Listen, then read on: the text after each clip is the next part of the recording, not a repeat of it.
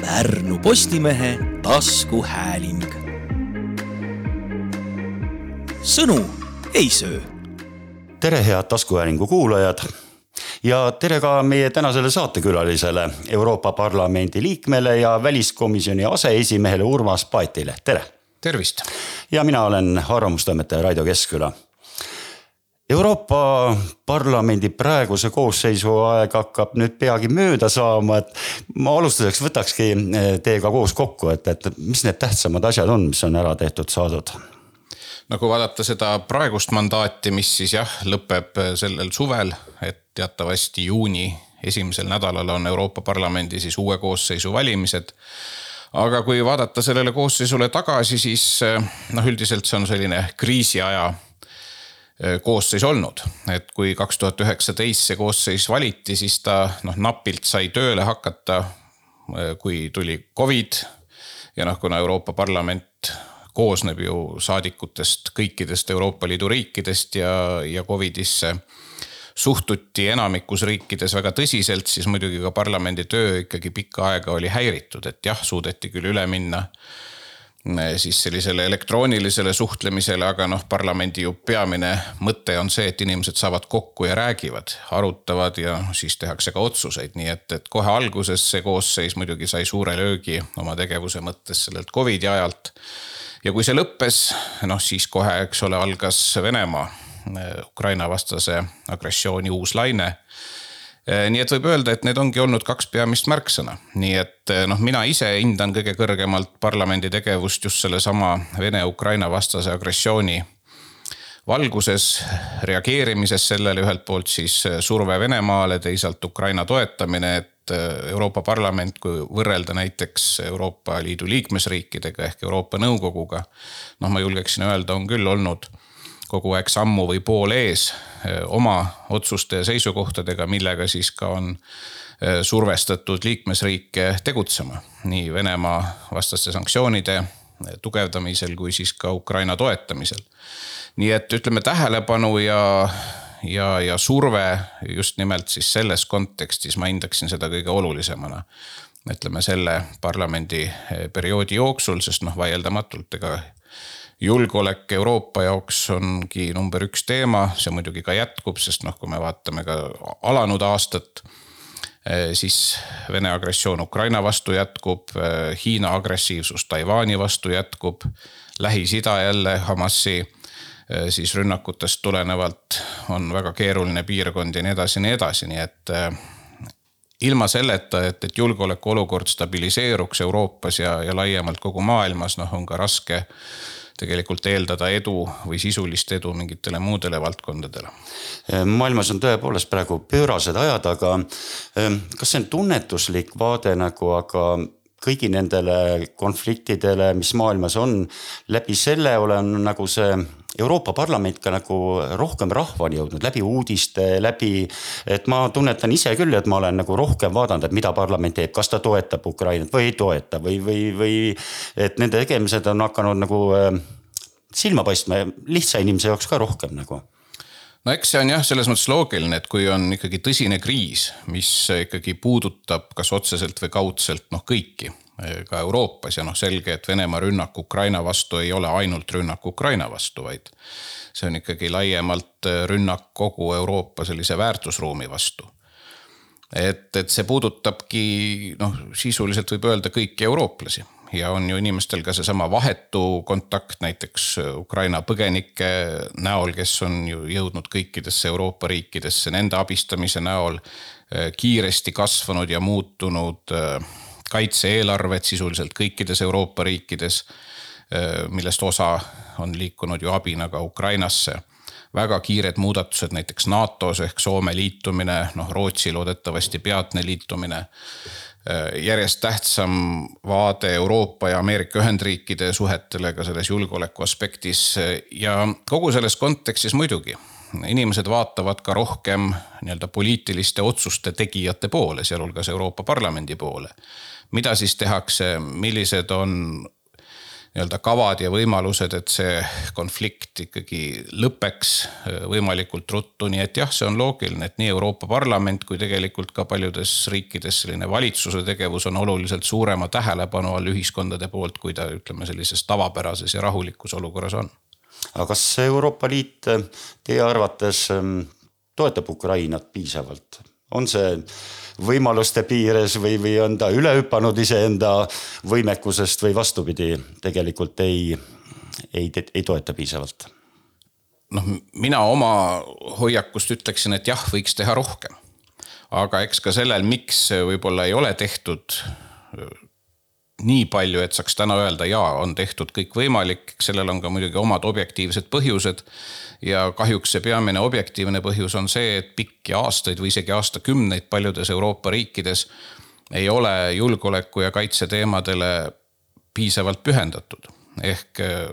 on ju pikka aega paljud riigid elanud sellises illusioonis, et pärast teist maailmasõda eh, noh, ongi saabunud lõpmatu rahuajastu mis tähendab seda, et investeeringud riigikaitsesse on olnud madalad, valmistumine heidutuseks, võimalikuks uueks konfliktiks on olnud paljudes riikides marginaalne. ja noh, selle tulemus on täna see, et isegi nii-öelda Ukraina toetamisel Venemaa vastu, mitte otseselt sekkudes sellesse sõtta, aga toetades näiteks relvastusega, näiteks muude vahenditega. Euroopa ikkagi ei saa üksi hakkama, et eh, kui vaadata seda abi, mida Ukraina on saanud, siis väga olulist kõrgtehnoloogilist sõjalist abi on Ukraina saanud Ameerika Ühendriikidelt. ehk eh, Euroopa kaitsevõime täna jätkuvalt ei ole selline, et saadaks üksi hakkama, et ikkagi on vaja Ameerika Ühendriikide ja teiste liitlaste abi. Ja noh, see olukord ei peaks selline olema, sest Euroopa Liit on ju niivõrd äh, ikkagi võimas ja võimekas ka majanduslikult, et ta peaks saama oma või iseenda kaitsmisega ikkagi ise edukalt hakkama, aga tänane reaalsus on see, et ta seda ei saa. ja noh, muidugi Ukraina abistamise puhul on siia juurde tulnud ka probleemid Euroopa Liidu otsustusmehhanismis. kui ikkagi on see olukord, kus kõigi välis- ja julgeolekupoliitiliste otsuste tegemiseks on vaja konsensust ehk kõigi liikmesriikide nõusolekut ja piisab ühest, antud juhul siis Orbani juhitud Ungarist et need otsused on lahjemad, kui nad võiksid olla, nad võtavad rohkem aega. see puudutab nii Ukraina abistamist kui Venemaa mõjutamist sanktsioonidega. noh, siis see on teine probleem, et, et see otsustusmehhanism on jälle nii-öelda disainitud headeks aegadeks ja sellise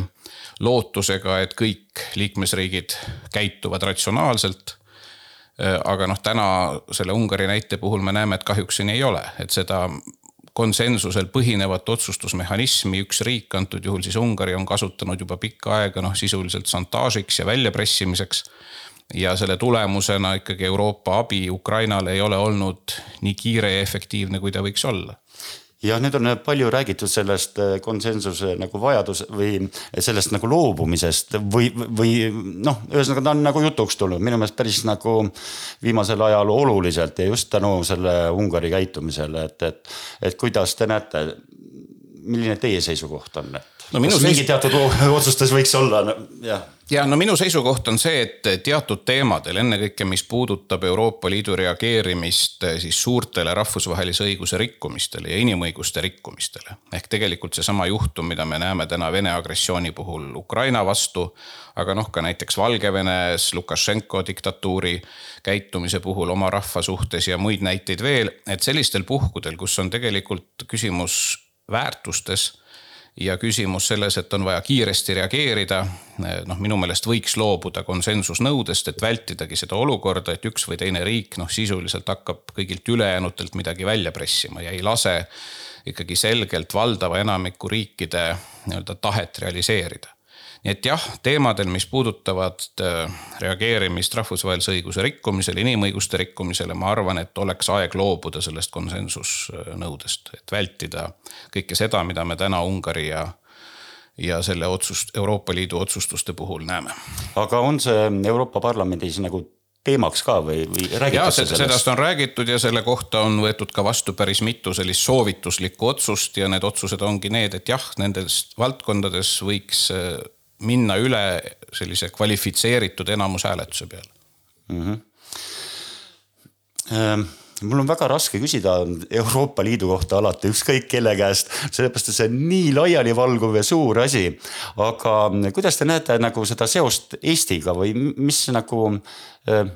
kuidas me tunnetame, et Euroopa Parlament töötab nagu ka Eesti jaoks?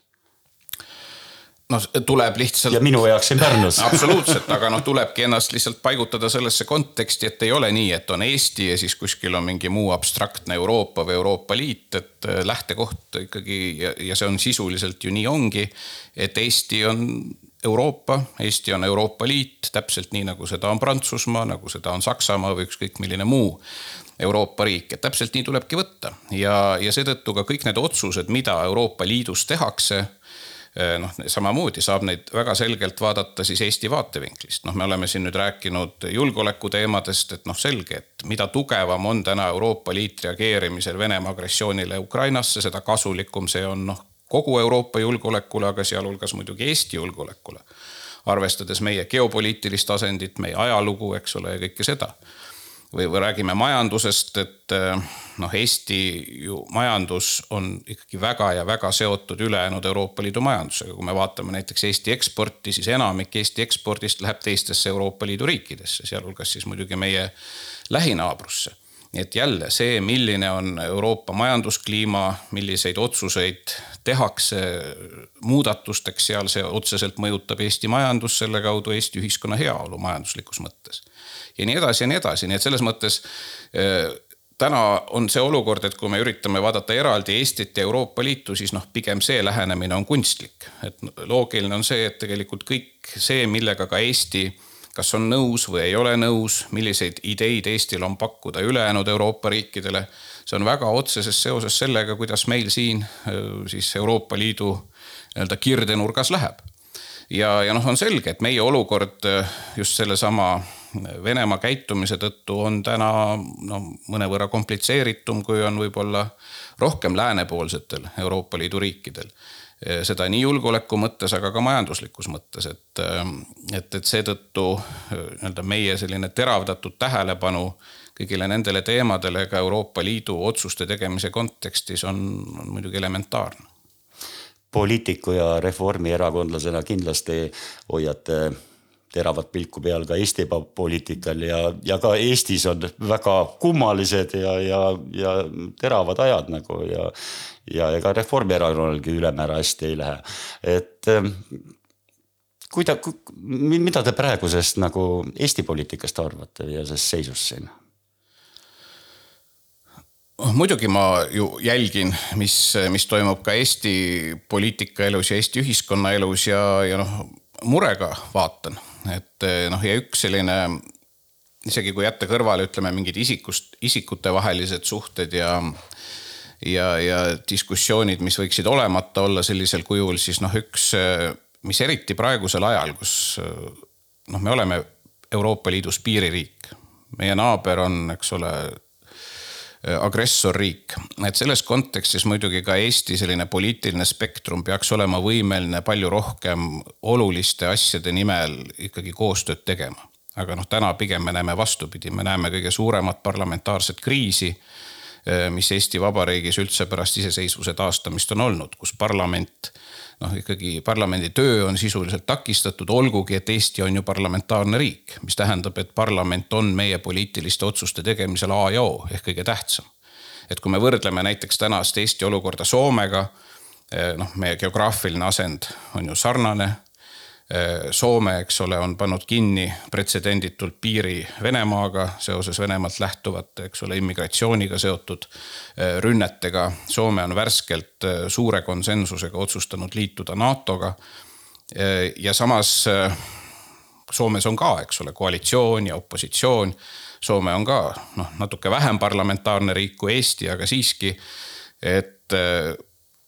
seal noh, me ei näe sellist äh, teravat vastuseisu koalitsiooni ja opositsiooni vahel äh, sellisel kriisi, kriitilisel ajal, nagu me täna oleme. et noh, vaadates tänast Eesti sisepoliitikat, siis paljuski jääb mulje, nagu meil oleksid kõige rahulikumad ajad üldse, et me saame lubada omale Eesti sisepoliitikast noh, sellist vaenu ja sellist konflikti, mida me parlamendis ehk kõige olulisemas Eesti otsustusorganis näeme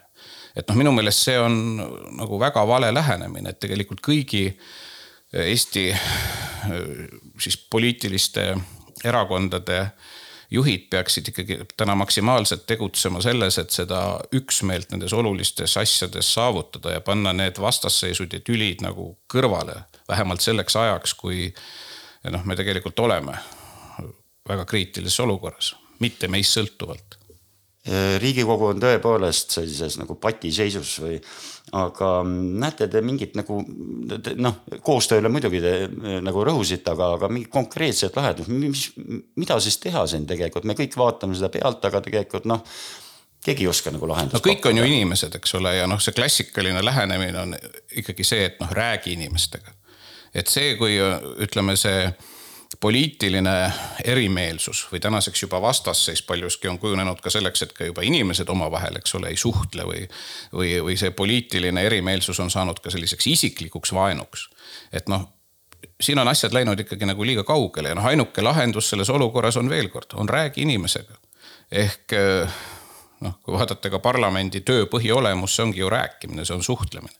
mitte karjumine, mitte kõrvade kinni toppimine, et mitte kuulda, mida teine räägib või silmad kinni, et mida teine, teine teeb. et, ähm, et ega siin mingit muud lahendust ei ole ja, ja noh, selles osas muidugi ka ühiskond äh, noh, ei saa leppida selle olukorraga, et eks Täpselt. ole meie poolt valitud äh, kõige olulisem poliitiline otsuste tegija sellisel kriisi ajal, nagu me täna oleme, noh, ei, ei suuda ka kõige olulisemates asjades mitte mingisugust koostööd sisuliselt teha et, et ka ühiskonna nõudlikkus on üks asi, mis noh, kindlasti ma arvan, selles kontekstis peaks olema suurem. Aga kui me parlamendi juurest lähme valitsuse juurde, et kuidas praegune valitsus hakkama saab või milliseid oluliseid otsuseid nad peaks, peaksid näiteks või võiksid teha, et, et, et meil siin väga ära ei kisuks. no eks need asjad on selles mõttes. olukorras, mis meil on praegu, eks ju. jah, et no veel kord, et Eesti on parlamentaarne riik, mis tähendab, et ka meie valitsus, eks ole, saab tegutseda siis, kui tal on parlamendi enamuse toetus. nii et ka täna, et äh, valitsus saab nii-öelda tegutseda siis, kui, kui parlamendi enamus teda toetab ja samamoodi on siin minu meelest selline oluline märksõna nõudlikkus, et ka parlament tegelikult normaalsetes oludes peaks ju siiski ka valitsus suunama. üht või teistpidi ütlema, mis ei ole aktsepteeritav, mis on, aga noh, täna tänu sellele, et parlament ise on suuresti kriisis, eh, siis ka ütleme, see kvaliteetne töövorm või suhe parlamendi ja valitsuse vahel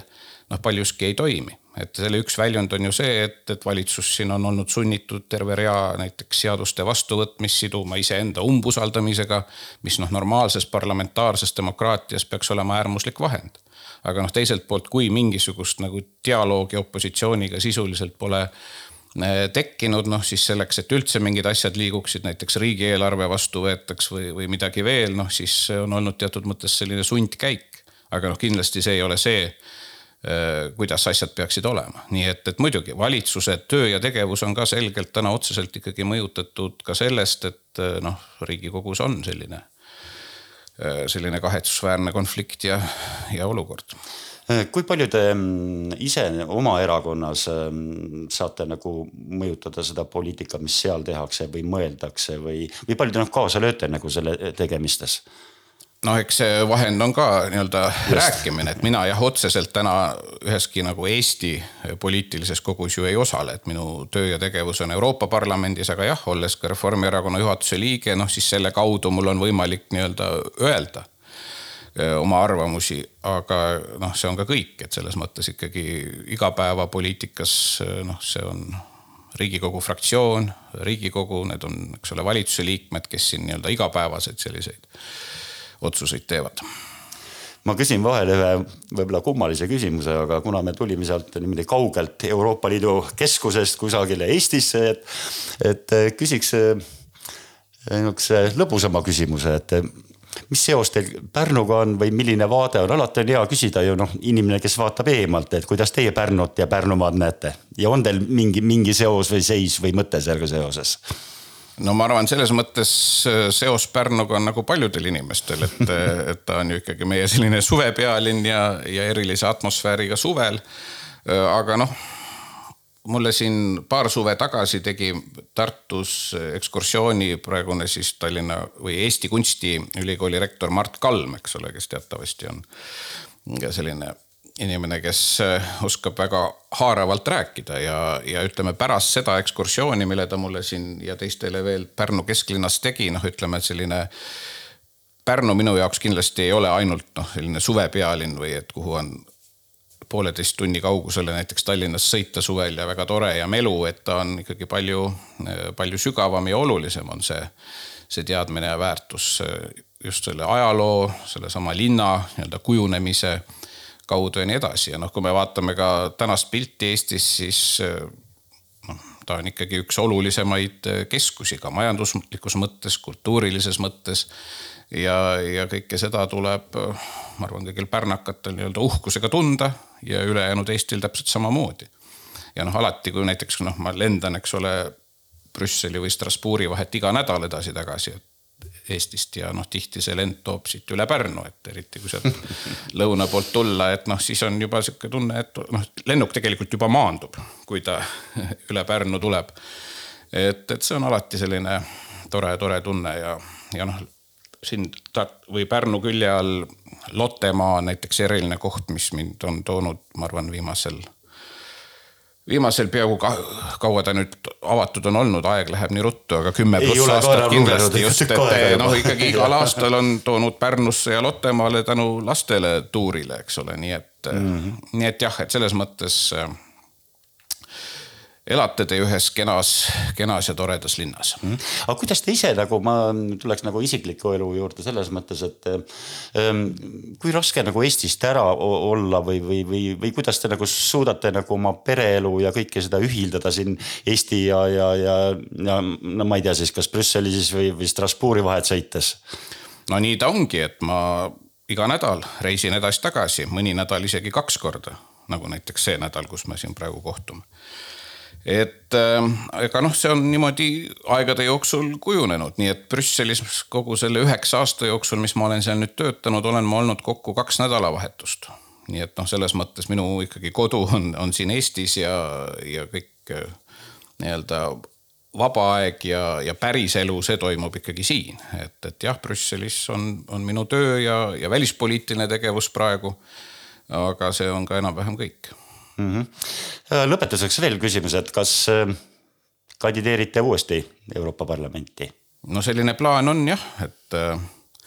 et küsida siis Eesti inimestelt uut, uut mandaati, et noh, ma olen nüüd seal viimase perioodi olnudki peamiselt tegev välis- ja julgeolekupoliitika teemadega. ka siis Euroopa Parlamendi väliskomisjoni aseesimehena ja noh, ma arvan, et ka tulevikus, et ka meie nii-öelda kandi selline välispoliitiline tunnetus ja välispoliitiline hääl võiks ju olla Euroopa Parlamendis ka tõsiselt esindatud, arvestades seda, et Euroopa Parlamendi roll ka ütleme, sellise välispoliitilise hoiaku või välispoliitiliste hoiakute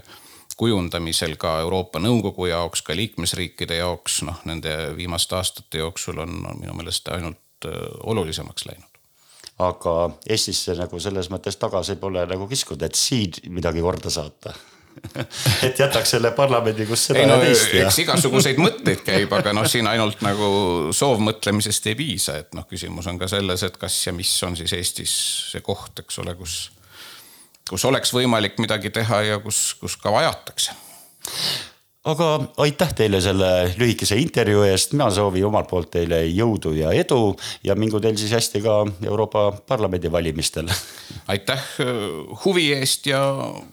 jõudu ja edu teile ja, ja kõigile pärnakatele ja olgu siis öeldud, et tänaseks saatekülaliseks oli Euroopa Parlamendi liige Urmas Paet ja mina olen arvamustoimetaja Raido Keskküla, kuulmiseni. Pärnu Postimehe taskuhääling. sõnu ei söö